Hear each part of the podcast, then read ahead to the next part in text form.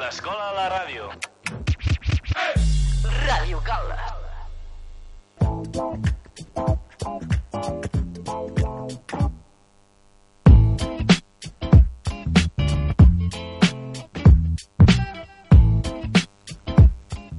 Molt bon dia, calderins i calderines. Estic aquí amb l'Eric, Bon dia. l'Oriol, Molt bon dia. l'Alejandro. Bon dia. Jo sóc l'Enric Jordà i avui us parlarem d'un artista de rap molt conegut. M'atreviria a dir que és el més conegut del món. Avui parlarem d'Eminem, de la seva vida real, la seva carrera artística i de la seva pel·lícula, 8 Miles.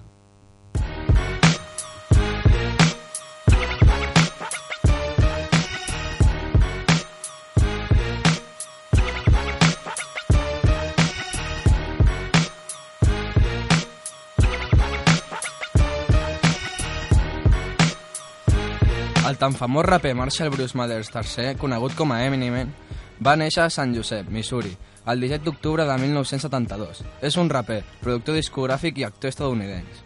Es va fer popular el 1999 amb el seu àlbum d'estudi de Slim Shady LP, el qual l'Oriol ens parlarà després. Eminem té dos grups, D12 i Bad Meets Evil. Ara mateix cap dels dos grups està 100% actiu. Eminem ha tret i continuarà traient CDs, així que Oriol, explica'ns una mica la discogràfica d'aquest raper. Ara us enumeraré els CDs d'Eminem, des del començament de la seva carrera fins ara, a l'actualitat. I més tard ens centrarem en el seu primer CD, The Slim Shady LP. Eminem va començar amb Infinite, que el va treure l'any 1996. No era un disc de moment. El segon va ser The Slim Shady EP, un altre EP, el 1997. Després va fitxar per Aftermath i ja va treure el seu primer CD l'any 1999. Després va venir The Marshall Mathers LP, l'any següent. Després va tardar dos anys per treure un CD boníssim, The Eminem Show, que va sortir el el 2002. Després tenim Encore, l'any 2004. Després tenim Eminem Presents The Re-Up, també de 2004, que era una mena de mixtape presentant el seu grup D12 entre d'altres artistes del seu voltant. El 2005 va treure Curtin Call the Hits, que era un CD recopilant les seves millors cançons que tenia i eh, posant quatre de noves. El 2009, Relapse. El 2009, Refill, que era el mateix que Relapse, però amb quatre cançons noves, que la veritat és que estan molt bé. El 2010 va treure Recovery. Després de Recovery va venir The Marsh Armades LP segona part, el 2013. I per últim, Shady 15, el 2014.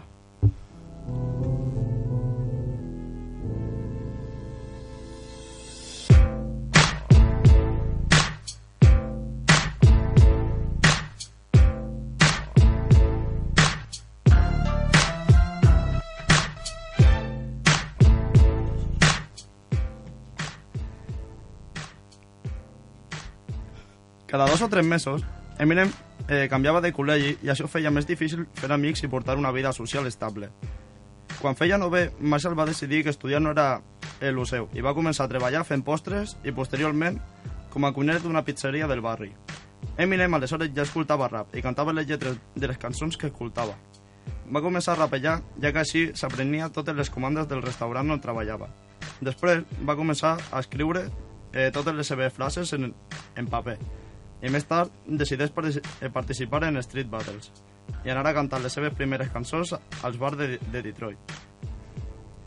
En una d'aquestes, Eminem eh, coneix a Dr. Dre, ja que aquest va anar a una Street Battle on Eminem estava participant i Dre se, se n'adona que té un talent especial.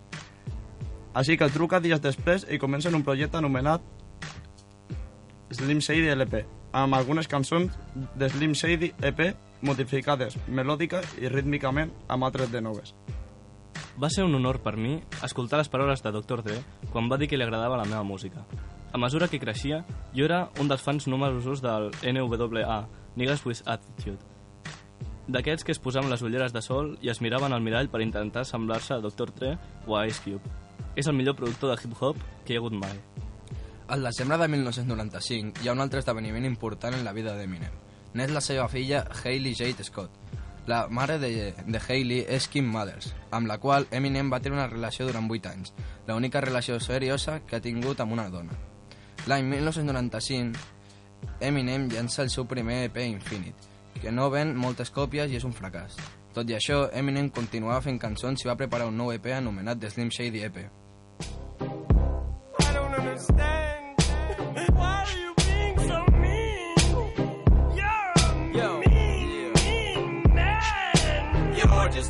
Cause you, you just can't do what I do. So instead of just admitting it, you walk around and say all kinds of really mean things about me cause you're a meanie. A meanie, but it's only cause you're just really jealous of me Cause I'm what you wanna be So you just look like an idiot when you say these mean things Cause it's so easy to see You're really just a big weenie Big weenie Alright, listen, I need you to focus. I need you to go dig deep in your mind. This is important. We are going to perform an experiment of the sorts. I'm going to have your mind, your eyes, close them. You are now about to be placed under my hypnosis. For the next four and a half minutes, we are going to explore into your mind to find fucking jealous. Now why did they make you who? Pippity caca poo poo. Psych, I'm kidding. I just wanted to see if you're still listening. Okay, now I need your undivided attention. Sir, I have a question. Why do I always sense this undeniable tension? From the moment that I enter into the room, it gets all quiet and whispers. Whenever there's conversation, why am I always mentioned? I've been dying to ask. It's been itching at me. Is it just because you're just jealous of me? Cause you, you just can't do what I do. So instead of just admitting it, you walk around and say all kinds of really mean things about me cause you're a meanie. A meanie, but it's only cause you're just really jealous of me Cause I'm what you wanna be. So you just look like an idiot when you say these mean things Cause it's so easy to see. You're really just a big weenie. Big weenie. Alright, now I, I just flubbed a line. I was going to say something extremely important But I forgot who or what it was. I fucked up. Psych, I'm kidding again, you idiot. No, I didn't. That's just what you wanted to hear from me is that I fucked up, ain't it? But I could bust one take without looking at no paper. It doesn't take a bunch of takes for me to stand here in this booth all day for me to say the truth. Okay, you're drooling, you have tooth decay. Your mouth is open, you're disgusting. What the fuck you eat for lunch? A bunch of sweets or something? What? You munch a bunch of crunch and munch? Your tooth is rotten, tooth the gum. Your breast stinks. Wanna chew some gum? Yes, I do, so what am I on? You, sir, are on sir. Marshall, I'm so jealous of you. Please say you won't tell nobody. I'd be so embarrassed. I'm just absolutely terrified that someone's gonna find out why I'm saying all these terrible, evil, and awful mean things. It's my own insecurity. You're just jealous of me cause you, you just can't do what I do. So instead of just admitting it, you walk around and say all kinds of really mean things about me cause you're a meanie. A meanie, but it's only cause you're just really jealous of me Cause I'm what you wanna be So you just look like an idiot when you say these mean things Cause it's so easy to see You're really just a big weenie Big weenie Alright, now we, we're going to conduct that experiment that we were talking about earlier, just to see what a frog looks like when he takes to its ecstasy, cause that's exactly what your eyes look like. When I check to see, here's a mirror. Notice the resemblance here? Wait, let me put these sunglasses on. Now look in this mirror. How about now? What do you have in common? You're both green with envy and look like idiots with sunglasses on them. You look like I sound like singing about weenies. Now take my weenie out of your mouth. This is between me and you. I know you're not happy. Know you'd much rather see me lying in the corner of a room somewhere crying. Curled up in a ball, tweaked out of my mind, dying. There's no denying that my weenie's much bigger than yours is. Mine is like sticking a banana between two oranges. Why are you even doing this to yourself? It's pointless. Why do we have to keep on going through this? This is torturous. My point is this, that if you say mean things, weenie will shrink. Now I forgot what the chorus is. You're just this. You're just jealous of me cause you, you just can't do what I do. So instead of just admitting it, you walk around and say all kinds of really mean things about me cause you're a meanie. A meanie, but it's only cause you're just really jealous of me Cause I'm what you wanna be So you just look like an idiot when you say these mean things Cause it's so easy to see You're really just a big weenie Big weenie Fuck off my dick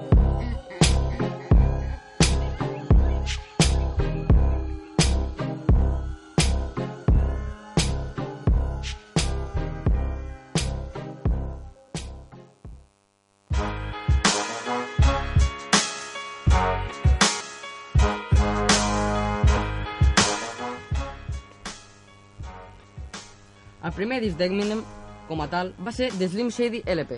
Estava produït per Aftermath i va veure la llum el 23 de febrer de 1999. Aquest àlbum va ser tot un èxit, però abans de que l'àlbum ho fos, Eminem ja havia triomfat amb un famós single que s'inclou a aquest mateix disc, My Name Is. Slim Shady LP, la mateixa setmana que va sortir, ja era a les llistes número 1 de la música als Estats Units i després aquest èxit es va expandir per Europa, fet que el va fer guanyar un Grammy al millor disc de rap de l'any.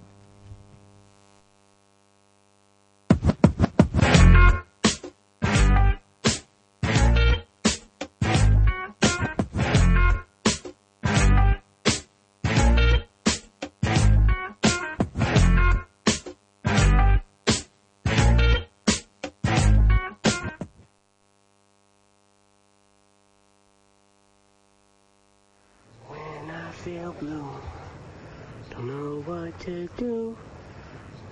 I look at you and I just say.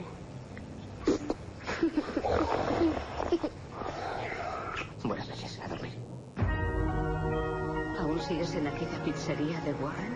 No. Ahora trabajo en una chapistería. Te han echado de una pizzería. Al menos yo tengo un empleo. ¡Arriba! ¡Abajo!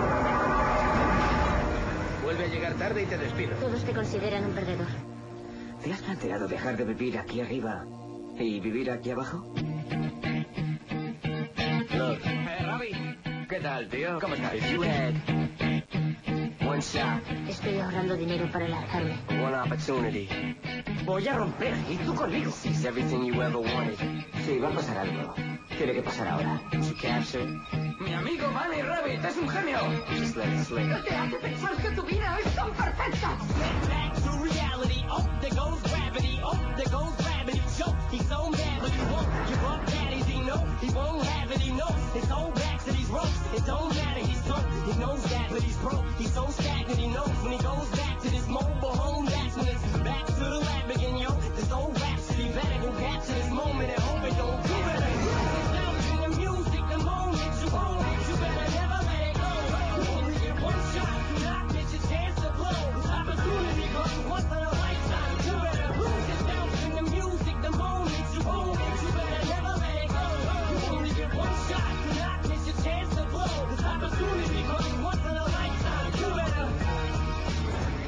Ocho millas. Cada momento es una oportunidad para cambiarlo todo. Tengo un presentimiento. Vas a ser grande. Corea tu nombre. You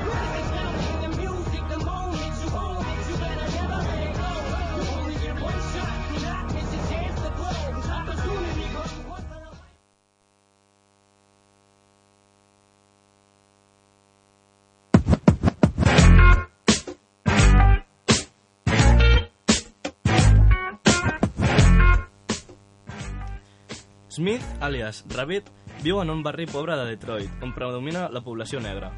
Ell és un noi blanc apassionat pel hip-hop. Té problemes amb la seva nòvia, passa dificultats econòmiques i les seves relacions amb la seva mare no són molt harmonioses. La seva única vàlvula d'escapament és la música. Smith i el seu equip, els 313, viuen amb l'esperança d'aconseguir el seu gran cop de sort.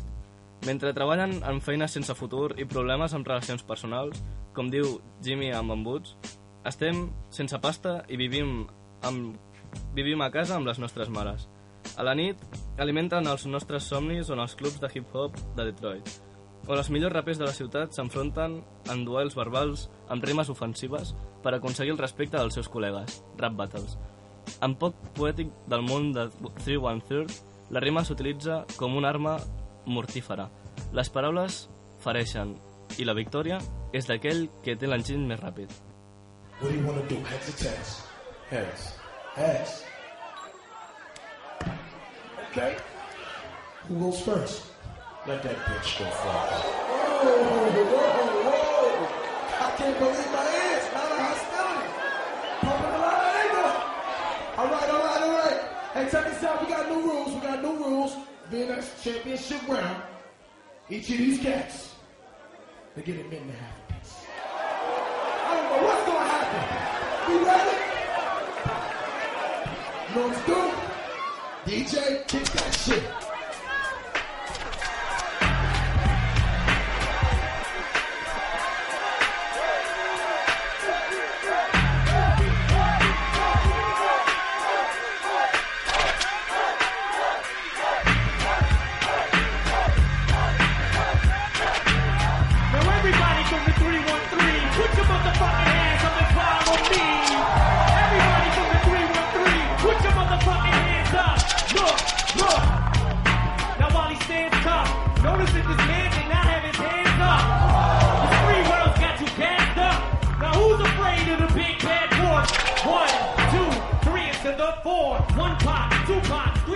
不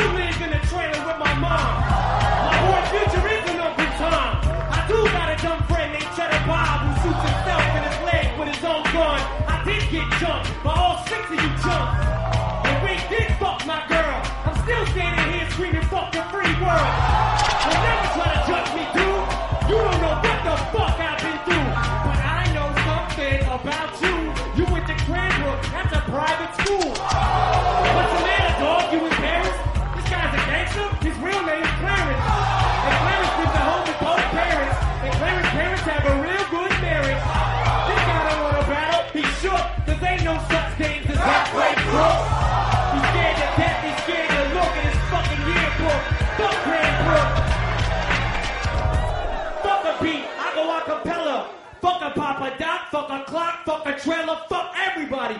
Fuck y'all if you doubt me. I'm a piece of fucking white trash. I say it proudly. And fuck this battle. I don't want to win. I'm outie. Here, tell these people something they don't know about me.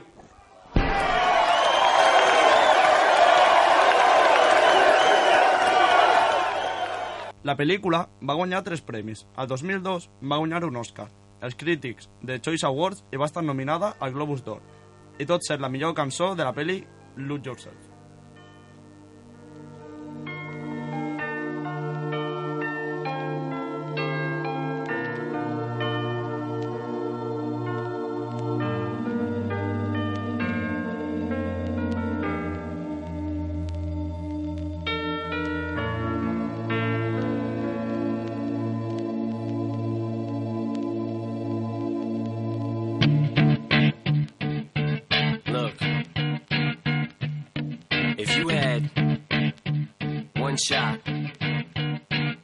Opportunity. To seize everything you ever wanted. In one moment, would you capture Just let it slip. Yo. His palms are sweaty, knees weak, arms are heavy. There's vomit on his sweater already. Mom's spaghetti, he's nervous, but on the surface he looks calm and ready to drop bombs. But he keeps on forgetting what he wrote down. The whole crowd goes so loud, he opens his mouth, but the words won't come out. He's choking how? Everybody's choking now. The clock's run out, time's up, over, loud. Snap back to reality. Oh, there goes gravity. Oh, there goes gravity. Choke. He's so mad, but he won't give up. Daddies, he know he won't have it. He knows his whole back to these ropes. It don't matter. He's dope. He knows that, but he's broke. He's so stagnant. He knows when he goes back to this mobile home. That's when it's back to the lab again, yo. This old rhapsody better go capture this moment and hope it don't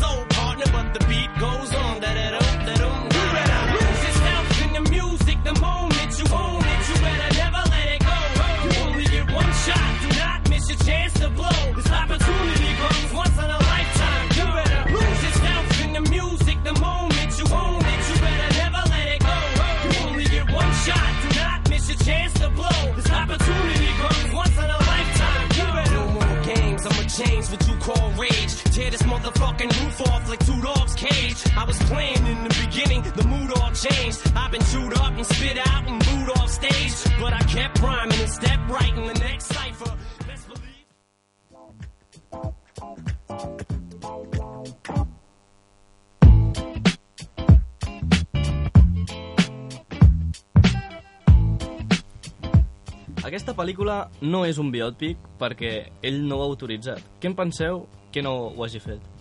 Bueno, a mi em sembla una pel·lícula molt bona, tot i que no parli de la vida d'Eminem i és molt bon treball per part dels directors. Jo crec que Eminem sabia en tot moment que la pel·lícula era molt similar a la seva vida. I si Y si además eh, fa el paper de protagonista, eh, s'anava a entendre com una biografia. Jo crec sincerament que li feia il·lusió que fessin una pel·lícula sobre coses de la seva vida, però tampoc volia 100% que la pel·lícula reflexés pues, la seva vida perquè ha passat coses molt dures i, i un passat molt oscur. Llavors creus que, que no diu que és de la seva vida perquè és molt obscur? Sí, jo crec que és aquest passat fosc el que li fa dir o no dir el que no és 100% de la seva vida, la pel·lícula. Bueno, nois, doncs fins aquí el programa d'avui. Acabem ja el cicle de programes de l'Escola de Ràdio. Esperem que us ho hagueu passat superbé i desitgem que passeu un magnífic estiu i fins l'any que ve. Adéu. Adéu. Adéu.